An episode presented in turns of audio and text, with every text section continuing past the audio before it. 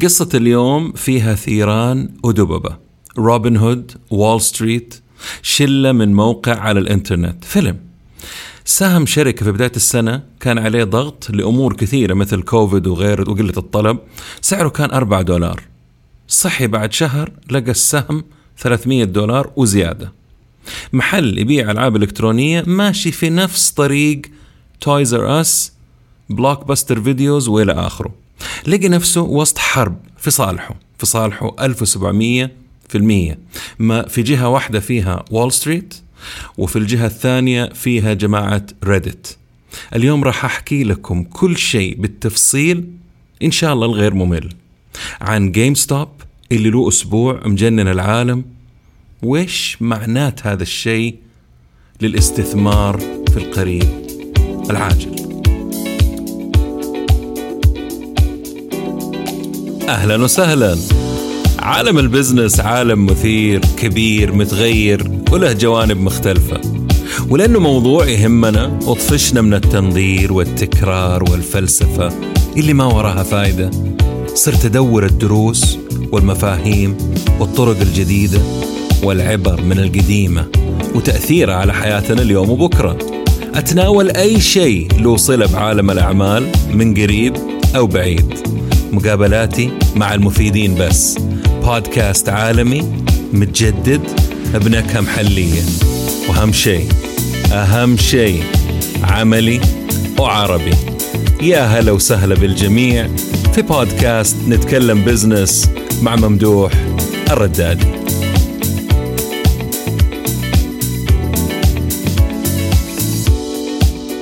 طيب نبدأ من فين؟ عشان أنا متأكد إنه قصة GameStop هذه راح تتحول لفيلم مرة قريب. راح أحاول أرويها زي ما كاتب سيناريو لفيلم راح يحكيها. أول شيء راح نتناول بعض الأساسيات اللي احتمال تكون شيء عادي بالنسبة للخبراء الماليين المستثمرين لكنها شيء غير عادي لباقي الناس. خلينا آه نوضح بأبسط الطرق إيش هو سوق الأسهم الستوك ماركت. وبدون فلسفة طبعا. شركة ناجحة مثلا عندها عملاء بيزيدوا وتحتاج تتوسع بشكل كبير وسريع عشان تحصل على حصة سوقية أكبر تحتاج سيولة. الشركة تعرض جزء من الشركة لسوق الأسهم عبر المنافذ المالية طبعا الصحيحة. بعد دراسة الموضوع من قبل بنوك وجهات تشريعية طبعا يتم الموافقة للشركة بإدراج شركتها في سوق الأسهم. إذا الشركة باعت حصة منها مقابل أسهم للسوق تأخذ في مقابلها طبعا تسهيلات وسيولة وإلى آخره.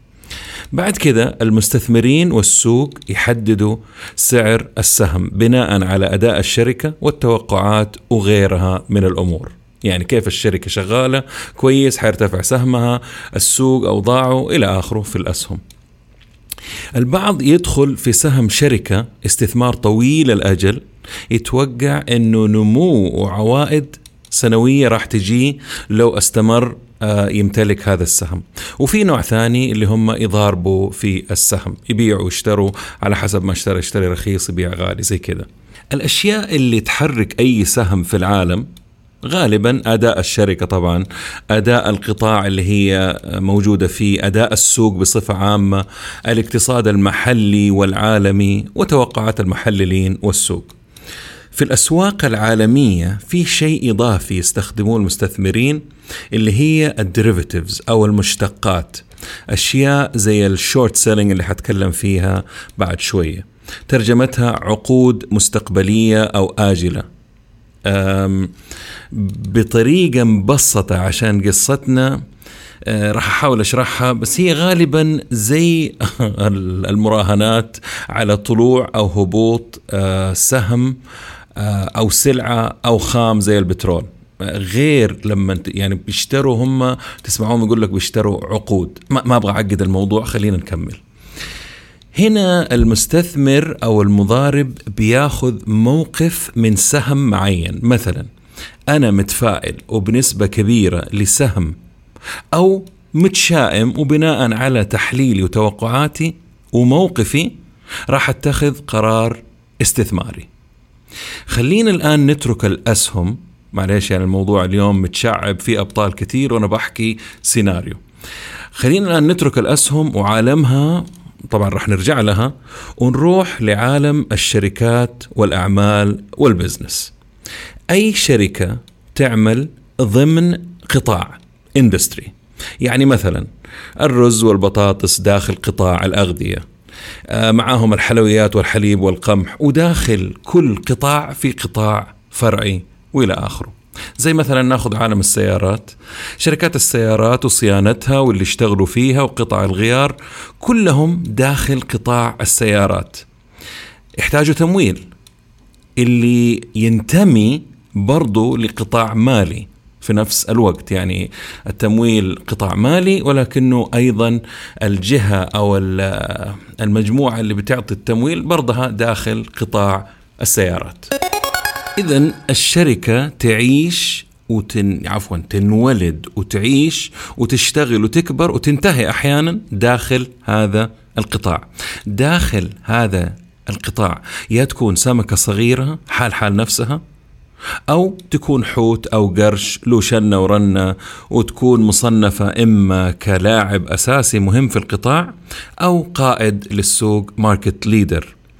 أه ولك مركز طبعا متقدم أو متأخر في السوق. غالبا المنافسة تكون من فرق داخل هذا السوق أو القطاع.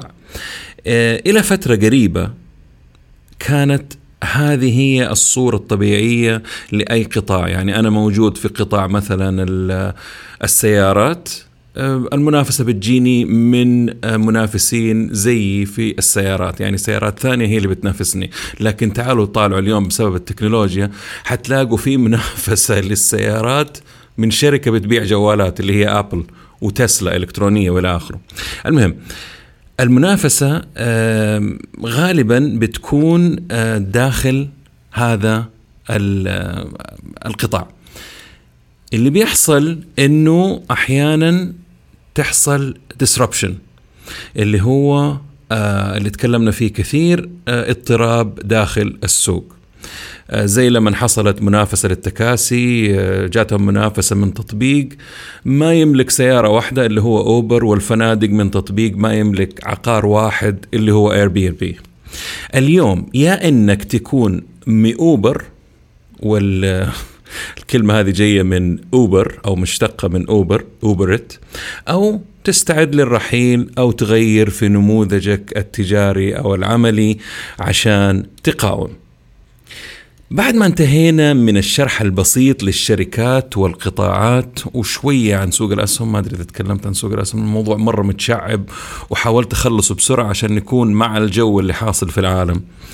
آه راح أرجع لكم لسوق الأسهم بعدين عشان نسيت حيوانين مرة مهمة تعيش داخل هذا السوق الدببة والثيران bears and bulls اللي راح تسمعوها كثير اليوم وبكرة وبعد بكرة. السوق داخله مستثمرين يعبروا عن موقفهم من السهم والأسهم أو السوق الدببة عندهم تخوف أو حذر. تخيلوا معايا آه، دب واقف كذا رافع يده هذا هو إنهم متخوفين من السوق أو متشائمين منه أخذين موقف بناء كذا فيسموهم bears والثانيين اللي هم الثيران عكسهم تخيلوا آه ثور جالس ينطح فعنده موقف إيجابي أو متفائل للسوق أو السهم اللي هو فيه. فلما نسمع المحللين يقولوا إنه السوق بول ماركت يعني آه هذا الشيء إنه يسودوا الشراء ومتوقعين صعود كفاية كذا صح؟ طيب طرق الاستثمار في الأسهم بجميع أشكالها كانت زمان عبر البنوك آه، حضوريا أو غير حضوريا يعني بعدين تطور الموضوع وتقدر عن طريق الإنترنت ومن أي مكان في العالم. بس لازم يكون بنك أو جهة استثمارية تحت البنك المركزي وإلى آخره. بخصوص الأسواق اللي تعتبر خطيرة أو مخاطرها عالية وما تناسب الكل البنوك والجهات الاستثمارية وبتوجيه من جهاتهم الرسمية طبعا آه، أنا أتذكر في البنك ما كنا نقدر نبيع الاستثمار لأي شخص لازم يكون الشخص هذا فاهم هو قاعد يستثمر في إيش. لازم يحذروا المستثمرين ويوقعوهم على أوراق قبل التداول أو الاستثمار. ولازم يوضحوا لهم آه، يعني بشكل مرة يعني كبير نوعية الاستثمار ونسبة خطورته وأمور زي كذا. اليوم اختلف الوضع نوعا ما. آه لا بصراحة مرة كثير اختلف. وسائل الاستثمار متنوعة ومختلفة وتقريبا أي أحد زمان ما كان يقدر يستثمر آه في الأسهم وغيرها من أدوات الاستثمار اليوم يقدر. عام 2014 السيد بادو بهجت أظن اسمه آه وصديقه فيلاد تنن تنف خريجي آه، جامعة ستانفورد قرروا يعملوا موقع تداول يلغي أكبر عائق أمام صغار المستثمرين. العمولة مقابل البيع والشراء يعني تتداول بالمجان. آه هذا طبعا كان مرة شيء لأنه أنت كل بيع أو كل شروة أنت بتبيع وبتشتري بتدفع عمولة في البيع وبتدفع عمولة في الشراء. هذا شيء مرة معروف وفي بنوك هنا في كل العالم سوت ثروات كبيرة من آه، ثورة الأسهم زمان. الشركة آه، اللي أسسوها سموها روبن هود.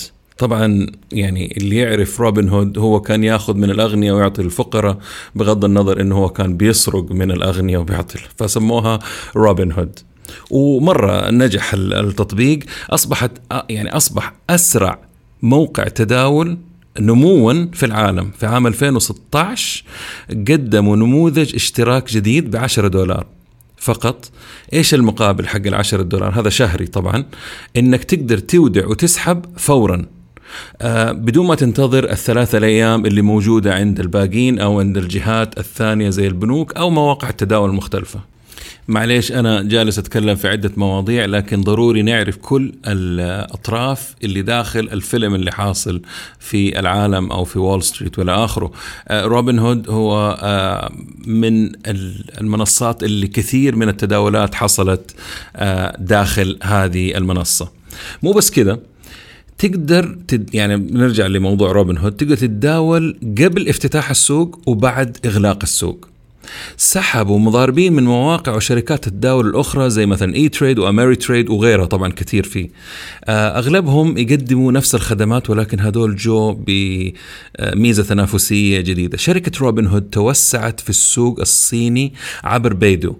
روبن هود كانت آه البطل الأول في قصتنا اليوم اللي ساعدت الأبطال الثانيين اللي حنتكلم عنهم في منافسة عظماء وول ستريت بكذا تكلمت عن الشركات قطاعات السوق والثيران والدببة آه، حقون وول ستريت وروبن هود كمنصة تداول باختصار. طيب ريدت إيش قصتهم هذولا؟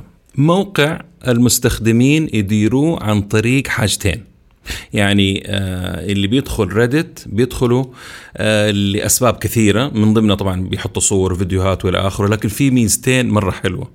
تقديم المحتوى سواء صور آه موضوع مقطع أو غيره. الشيء الثاني بيقيموا المحتوى المقدم من قبل الآخرين. يعني فيها upvote و downvote تصويت للأعلى اللي هو سهم لأعلى وسهم لأسفل حسب يعني التقييم يتحرك المحتوى على الموقع إما لأعلى الصفحات الأولى فتشوفه أنت وغيرك أو ينزل آه، وما حد انتبه له إلا اللي جالس 24 ساعة في الموقع آه، بدون تصويت. أما طريقة تصنيف المحتوى هنا هذه ركزوا معايا فيها اللي هي ال subreddits الريدت الفرعي. هنا آه، مثلا أنا أبغى أتكلم عن البودكاست. أعمل subreddit داخل ريدت أو تلاقي موجود أصلا بودكاست subreddit فرعي موضوع فرعي. نتكلم فيه كلنا عن البودكاست واللي مهتمين معانا في عالم البودكاست. يعتبر ريدت من أقوى المصادر المعلوماتية المتنوعة لفئة كبيرة جدا من الناس ممكن نقول مخصصة كمان. تم تأسيس الموقع آه، عام 2005 بواسطة ستيف هوفمان آه اللي هو ال CEO اليوم وزملائه آرون سوارتز وأليكس أوهانيان عالميا عندهم تقريبا 430 مليون مستخدم شهري وبزيادة سنوية متنامية بشكل مهول على فكرة. يعتبر سادس أشهر ساحة اجتماعية في أمريكا. للعلم المركز الخامس لبنترست وعلى مستوى العالم مركزه ال11 وعلى فكرة لا يقارن بالمواقع المليارية زي فيسبوك اللي هم عندهم 2.6 بليون ويوتيوب وإنستغرام. أغلبية مستخدمي عبر الكمبيوتر المكتبي. المستخدم يجلس في الموقع تقريبا عشر دقائق في كل زيارة وممكن يوصل لساعات في اليوم. يعني زي ما إحنا بنجلس في تويتر مثلا. الأعمار للمستخدمين تتراوح ما بين ال 25 إلى ال 29 سنة. وبعدها اللي أعمارهم ما بين 18 و 24 سنة نسبة قليلة جدا أعمارهم فوق الخمسين سنة تستخدموا يعني شباب اللي شغالين خلف هذا التطبيق. بخصوص الريدت الفرعية أو السب ريدت عندهم مجتمع بمواضيع مختلفة زي تقنية استثمار زي ما قلت بيئة نكت وغيرهم. في عندهم 2.2 مليون وحدة. 2.2 2 مليون سب ريدت الجماعات المتفاعلة داخل الموقع 130 ألف مجموعة. ما عندهم خلق للمحتوى التسويقي اللي هو السبام. يعني تيجي تطالع فيه إعلانات على طول تلغى أو يقفلوا حساب الشخص اللي موجود بدون تفكير يتخلصوا منه يبغوا الساحة حقتهم آه يشتغلوا فيها على النظيف زي ما يقولوا. بعد ما عرفنا إيش ريدت بالتفصيل وإيش ال subreddit أحب أعرفكم على أبطال قصة اليوم وهم آه ينتموا لأحد ال subreddits اسمهم وول ستريت بيتس مراهنات وول ستريت. المجموعة هذه اللي عايشين داخل ال subreddits واللي تخصصهم استثمارات واقتناص الفرص في وول ستريت عبر النقاط طبعا يجلسوا يمسكوا سهم ويحللوه ويتكلموا فيه شهور سنين إلى آخره ويحللوا وياخذوا أفكار من بعض. مجموعة زي المجموعات اللي عندنا بتكون. لهم سنة جالسين يخططوا على شركة جالسة تعاني. شركة يحبوها وشايفينها جالسة تغرق. شركة من الزمن الجميل زي ما يقولوا بتبيع ألعاب إلكترونية وأجهزة الألعاب وملحقاتها زي البلاي ستيشن والنينتندو والاكس بوكس وإلى غيره. وموجودة في كل ركن وفي كل مول في أمريكا زي الستاربكس كذا it's every الشركة هذه اسمها جيم ستوب وجائحة كوفيد 19 جابت أجلها تقريبا في بداية السنة كان سهمها بأربعة دولار بس. إيش رأيكم نتعرف على شركة جيم ستوب مو ضروري صح؟ لا لا ضروري. إحنا جالسين نكتب سيناريو لفيلم. ما في كذا حاجة فجأة جيم ستوب يظهر. لازم نعرف يعني أشوف ضروري جدا نتكلم عن جيم ستوب وليش ضروري نتكلم عن جيم ستوب الآن في الفقرة القادمة. بدل ما أقول إنه شركة جيم ستوب جالسة تلعب في الوقت الضايع. خلينا نعطيها حقها ونقول قصتها أو قصة حياتها. بدأت الشركة عام 1984 في دالاس تكساس في أمريكا تحت اسم بابجز أو بابجز إلا أظن أتذكر اسمها كذا كان. تبيع برامج ثقافية واسمها مبني على عالم عالم الرياضيات اللي كان أول واحد يبتكر ماكينة كمبيوتر للحساب. طبعا ابتكرها لكنه ما سواها. آه اتصنعت بعد كذا في عام آه مش في عام بعدها ب 153 سنة في لندن. خرجت عن الموضوع معليش بس كان لازم نعرف ليش سموها بابجز يعني دائما عندهم سبب. بعد كم سنة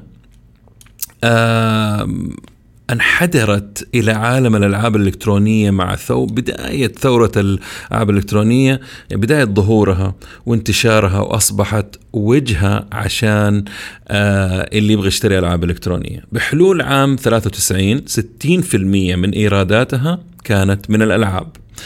كان عندهم 300 محل حول أمريكا منتشر. عام 94 صار اندماج مع شركة سوفت وير اتسيترا عام 99 تم بيع الشركة بالكامل لبارنز اند نوبل حقة الكتب المشهورة. هذه مقابل 215 مليون دولار. عام 2000 تم تغيير الاسم لجيم ستوب الوقت هذا كان أسهل إنك تلقى أجهزة كمبيوتر وبرامج ولكن مرة صعب تلاقي ألعاب أه، داخل المحلات هذه حقت الإلكترونيات. يعني موجودة لكنها مرمية في ركن كذا. يعني أفضل مثال تذكرته وأنا بقرأ الموضوع أه، زي فيرجن. لما تدخل فيرجن مثلا في أي بلد عربي الآن لأنه ما عاد موجود برا أه، تلاقي كذا في ركن فيه ألعاب إلكترونية خفيفة كذا. يعني هذه كانت الطريقة. في نفس العام 2000 أطلقت أول برنامج عندهم يشتري الألعاب القديمة من اللعيبة وتقدر بدالها تستبدلها وتاخذ آه، ألعاب جديدة. فكرة مرة ذهبية في وقتها. بدل ما ترمي اللعبة أو تتجمع عند عليها الغبار في البيت تقدر تبيعها أو تستبدلها. زي ما هو موجود على فكرة في بعض المحلات حقت الكمبيوتر الصغيرة اللي بتبيع ألعاب في المحلات آه، منتشرة. في 2002 آه، تم إدراج الشركة في بورصة نيويورك ستوك إكسشينج وكان سعر السهم لما نزل 18 دولار. عام 2004 بارنز اند نوبل عملت spin-off أو استقلال لل باعتها للأساس اللي هم المستثمرين حقونها والمؤسسين آه، ملاك جيم ستوب رجعوا اشتروا سهمها آه، باعتها ب 110 مليون دولار. آه كذا بارنز اند نوبل خرجت من الموضوع وأصبحت جيم ستوب مستقلة تماما كمتجر يبيع ألعاب إلكترونية. عام 2005 وبعد استقلال الشركة اشتروا هذول اللي هم جيم ستوب اشترت محل اسمه إي بي جيمز ب 1.4 بليون مليار و400 مليار دولار وأصبحت بالشروة هذه أكبر متجر ألعاب إلكترونية في العالم عندهم 4400 محل. 2007 سعر السهم أصبح 63 دولار وعندهم 6600 محل عالميا منتشر في 15 بلد. في 2013 استثمروا في آه بدأوا يحطوا فلوسهم في الاستحواذات والتفرع من عملهم واشتروا شركة تبيع جوالات آه من اي تي ان تي اسمها Spring Mobile وفي شركة ثانية تبيع يعني أكبر موزع ل Mac products اللي هي منتجات Apple آه اسمها كان Simply Mac 2018 كان عندهم 12 ألف محل يبيع أجهزة جوالات يعني تحت مظلتهم شركتين مليارية. رغم كل هذا التفرع والتنوع استمرت المبيعات على نفس وضعها بدون تغيير. هم توقعوا إنه لما نحن نعمل كذا تزيد المبيعات عندنا والاستثمارات الجامدة اللي عاملينها. بدأوا يبيعوا عبر الإنترنت زي غيرهم. في 2020 نزلت قيمتهم السوقية ل 500 مليون دولار فقط. قيمتهم السوقية كانت 10 مليار في 2007 لما سهمهم كان ب 63 واللي أصبح قيمته 9 دولار. انهيارهم بدأ على فكرة من 2010 الناس كانوا حاسين وكان واضح من المبيعات والتشتت اللي حاصل عندهم. خلال سنتين غيروا وظيفة المدير التنفيذي خمس مرات. أي ولاء هذا. كل هذا التخبط ونتيجة لهذا كله ما بين 2019 و2020 باعوا Spring Mobile و Simply Mac وركزوا على نموذج العمل الأساسي حقهم بس. وهذا كله بعد خراب مالطا. وكأنه كان ناقصهم في 2020 آه كوفيد 19 اللي الزير الزائر الغير لطيف. اللي زاد الطين بلة. ومو بس كذا بنهاية 2020 وبداية 2021 سهمهم عشان قلة المشتروات آه، بسبب أن الناس ما بتخرجوا إلى آخره نزل ل 4 دولار اللي ذكرتها في بداية البودكاست. طيب شوية تحليلات كده اقتصادية بزنسية من بودكاست نتكلم بزنس. ليش تدهورت أحوال GameStop أول شيء التشتت والتوسع. اثنين القيادة المفلتة. ثلاثة عايشين في الماضي. أربعة شعترة ال brand والولاء اختفى. التحول التراكمي للقطاع. دخول آه، مصنعي الألعاب نفسهم دخلوا معلش في طيارة بتعدي آه، عقبالنا. المهم دخول آه، مصنعي الألعاب لعالم السحاب اللي هو ال cloud computing وعدم حاجتك إنك تشتري ال disc. You don't need to buy the disc anymore كل اللي تحتاجه إنك أنت تسوي download على اللعبة من الموقع نفسه على جهازك. آه، حتى دحين الآن لو تجي تطالعوا على ال PlayStation 5 عندك اختيارين. يا إما بقرص أو بدون قرص. يعني غالبا غالبا الناس حتاخذ اللي هي بدون قرص لأنه يقدروا يسووا download وما يحتاجوا كذا الشيء الثاني إنه دخول لعيبة جدد زي Amazon Microsoft Nintendo Apple كلهم دول داخلين سوق الألعاب. كل واحد بطريقته وبأسلوبه وبال ecosystem الخاص فيه. آه، تغيرات حصلت في المستخدم نفسه يدور راحته. كوفيد جزء بسيط من المشكلة لأنه آه، الناس لا زالت تحتاج أجهزة. يعني توجه كبير للناس بيلعبوا ألعاب على الجوالات والكمبيوترات الشخصية. هذا كله وسهمهم بيلعب عند الأربعة دولار في بداية الشهر هذا. يعني يناير 2021 وفجأة وبقدرة قادر يوصل سهمهم ل 483 دولار في يناير 2021 نهايته طبعا طيب إيش اللي حصل؟ هذه اللي كل العالم قاعدين يتكلموا فيها الآن راح نتكلم عنه. عشان نعرف إيش اللي حصل نرجع للفصل مرة ثانية وشوية شرح لبعض المفاهيم في سوق الأسهم من أصحابنا اللي في وول ستريت. لما أقول لك أني بولش أو متثور طبعا كلمة متثور بالعربي غير لكن لما أقول أني بولش على سهم يعني أنا متوقع صعود في الأسهم أو السهم نفسه. لما أقول لكم أني بيرش أو مدبدب برضو مدبدب ما أحبها على سهم يعني متوقع إنه راح يهبط سوق الأسهم أو متخوف أو متخذ يعني موقف سلبي للسوق. الطبيعي في عالم التجارة والأسهم أنك تشتري بسعر منخفض وتبيع بسعر أعلى أو تشتري رخيص وتبيع غالي so you buy high and you sell uh, no you buy low and you sell high okay. في الحالة الأولى لما أبغى أشتري والسعر مناسب في نظري إنه راح يطلع. عادي أروح السوق وأشتري وأنتظر إلى أن يطلع السهم وأبيعه. طيب لو العكس متوقع إنه راح ينزل السهم. كيف أستفيد من المعادلة هذه؟ هنا يجي دور سوق المشتقات في الأسواق العالمية. السوق اللي تقدر تبيع أشياء ما تملكها و... وتشتريها وتبيعها يعني derivatives market هنا تقدر تستلف مجموعة أسهم وتبيعها في السوق على أمل أنه السهم يطيح آه، سعره زيادة. وترجع تشتريه أرخص من السعر اللي اشتريته وترجع ترجعه لصاحبه بمعنى آخر buy low و sell high تبيع على العالي وتشتري على الواطي. راح أهدي شوية هنا آه، وأزيد في الشرح حبتين معليش عشان هذه نقطة مرة مهمة. إيش هو ال short selling أو البيع المكشوف؟ هو لما المستثمرين يراهنوا ضد سهم يتوقعوا أنه يهبط فيقوموا يستلفوا السهم بمقابل من أصحابه ويبيعوه ويتوقعوا إنهم يقدروا يشتروا في المستقبل بعد ثلاثة شهور مثلا بسعر أقل. يعني أستلف سهم من أحمد بعشرة ريال مثلا.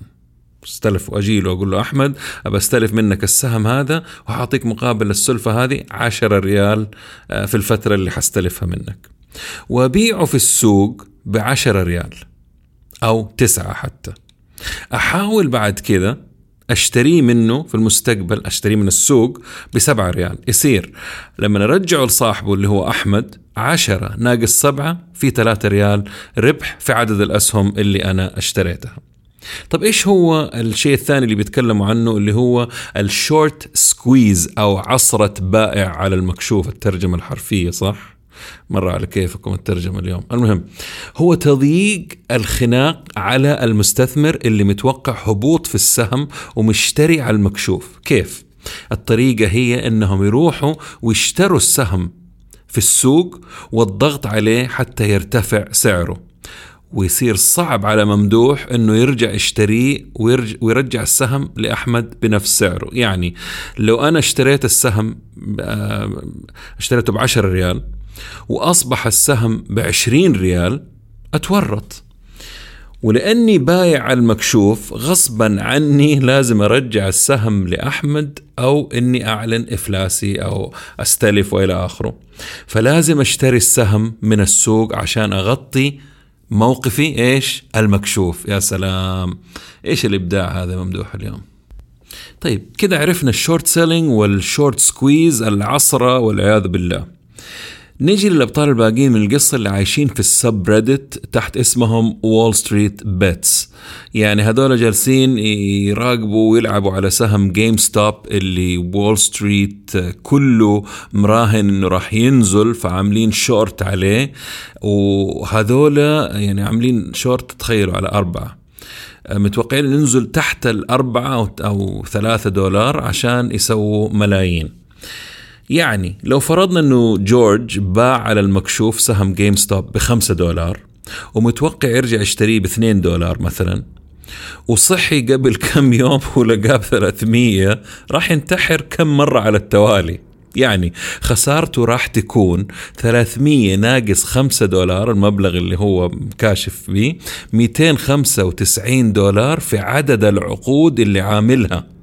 المهم Wall Street وبسبب رفع سعر السهم من قبل شلة Reddit وعن طريق تطبيق روبن هود وغيره خسرت مليارات وسهم شركة GameStop طاير في السماء وأصبحت قيمته السوقيه الآن. فاكرين لما قلت لكم 500 آه، مليون آه، دولار عند 4 دولار تقريبا. الآن أصبح ال market cap حقه 22 مليار دولار. وأنا قاعد أسجل البودكاست هذا قبل شوية سامع إنه في صندوق من الصناديق خسر 50% من قيمته بسبب مراهنته على GameStop هذا يا جماعة الخير من شلة ورا sub Reddit الشارع الاستثماري منقسم ما بين مؤيد ومولع. إيش هذا كله يعني في يعني اللي حيحصل في عالم الاستثمار هل يعقل الشيء اللي حصل؟ إيوه يعقل. التقنية والمعلومات والوسائل بعد ما كانت محصورة على فئة معينة أصبحت موزعة على العالم اللي يبغى يا هلابه ولكن من منبري هذا أحب أن أحذر الجميع إنه الخبراء آه، حتى الخبراء كمان على فكرة إنه الاستثمار هذا أشبه بالقمار. خطر وخطورته مرة عالية وما يصلح للكل. لقلة. وطبعا يستخدم هذا الاستثمار آه، لحماية موقف استثماري في الغالب لكنك آه، تقدر تستخدمه كمضارب. الموضوع من كثر ما عجبهم طبقوه على مجموعة شركات شبه منتهية من ضمنهم AMC حقت السينما و BlackBerry أخيرا قبل نهاية البودكاست بعض النصايح للجميع.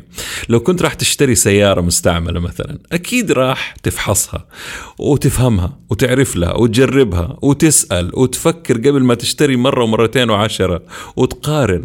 تخيل لو أسهم. وحتى لو يعني آه، ضروري الإنسان قبل ما يستثمر يفهم الشيء اللي بيستثمر فيه. لا تغركم الأرباح الخيالية هذه. ترى هذه جاية هذول خبراء على فكرة ما هم ناس كذا جالسين يعني. والخسائر شوفوا مين اللي خسر. في جهة خسرت مليارات. فالواحد ينتبه في فيلم حصل عن الرهن العقاري قبل كم سنة اسمه The Big Short لا يفوتكم لا يفوتكم الفيلم جدا رائع مليان دروس في الاستثمار آه، الممثلين اللي فيه الإخراج القصة مبنية على كتاب قصة حقيقية لمشاكل الرهن العقاري وال short selling وإلى آخره. طبعا أنا انتهى البودكاست ممكن خلاص أقول لكم مع السلامة وتروحوا تكملوا يومكم لكن أنا قايل لكم إنه هذا السيناريو فيلم فكذا حنهيه. الكاميرا راح تجيب مقطع للشلة اللي بتحتفل حقون Reddit WallStreetBets وغيرهم اللي كسبوا من العملية هذه سياراتهم واقفة على المينا هم في يخت في, في ميامي.